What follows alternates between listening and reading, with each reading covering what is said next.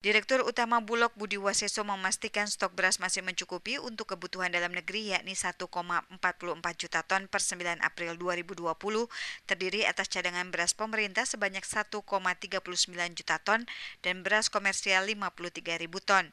Dia menambahkan Bulog akan melakukan pengadaan 950 ribu ton beras untuk menjaga cadangan beras pemerintah tahun ini tetap dalam rentang 1 hingga 1,5 juta ton.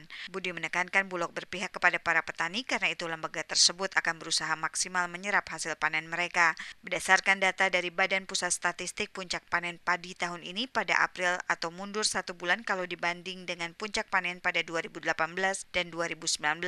Selama April 2020, Perumbulok menargetkan penyerapan gabah atau beras dalam negeri sebanyak 222 ribu ton, 207 ribu ton di Mei, dan 148 ribu ton pada Juni. Jadi uh, mengenai ancaman COVID ini kami sudah mengantisipasi, kami sudah juga menyampaikan kepada jajaran untuk menyiapkan diri, memproduksi dan mendistribusikan semua kebutuhan-kebutuhan khususnya masalah beras. Menurut Budi, Bulog bekerja sama dengan TNI dan kepolisian dalam mendistribusikan bahan pangan agar sampai ke masyarakat di berbagai pelosok, sehingga masyarakat jauh dari pasar bisa memperoleh kebutuhan mereka di kantor Polsek, Polres, Kodim, Koramil, bahkan kelurahan dan kecamatan.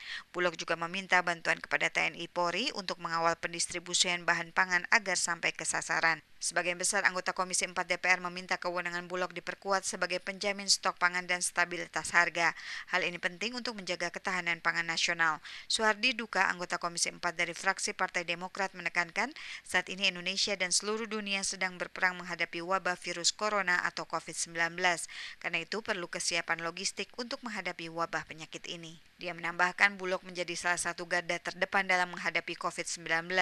Namun sayangnya dia menegaskan Bulog telah dibuat lemah karena praktek liberalisasi di sektor pangan yang berlangsung sekarang ini. Bulog dibuat untuk tidak mampu menjadi stabilisasi harga pangan, bahkan dana yang diberikan adalah pinjaman komersial. Ini juga yang tentunya membuat Bulog menjadi tidak kuat, tidak bisa menyangga kehidupan petani kita di setiap panen.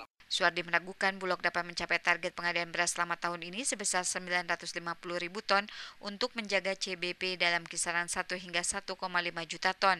Apalagi dana yang diberikan kepada Bulog tidak mencukupi untuk pengadaan 950 ribu ton. Suardi meminta kepada pemerintah untuk menjadikan Bulog sebagai garda terdepan dalam stabilitas harga dan pemelihara stok pangan nasional. Dia juga menuntut Bulog diberikan kewenangan buat menjadi importir bahan pangan yang langka di masyarakat atau komoditas yang dibutuhkan masyarakat. Dari Jakarta, Jakarta, Fatia Wardah melaporkan untuk VOA Washington.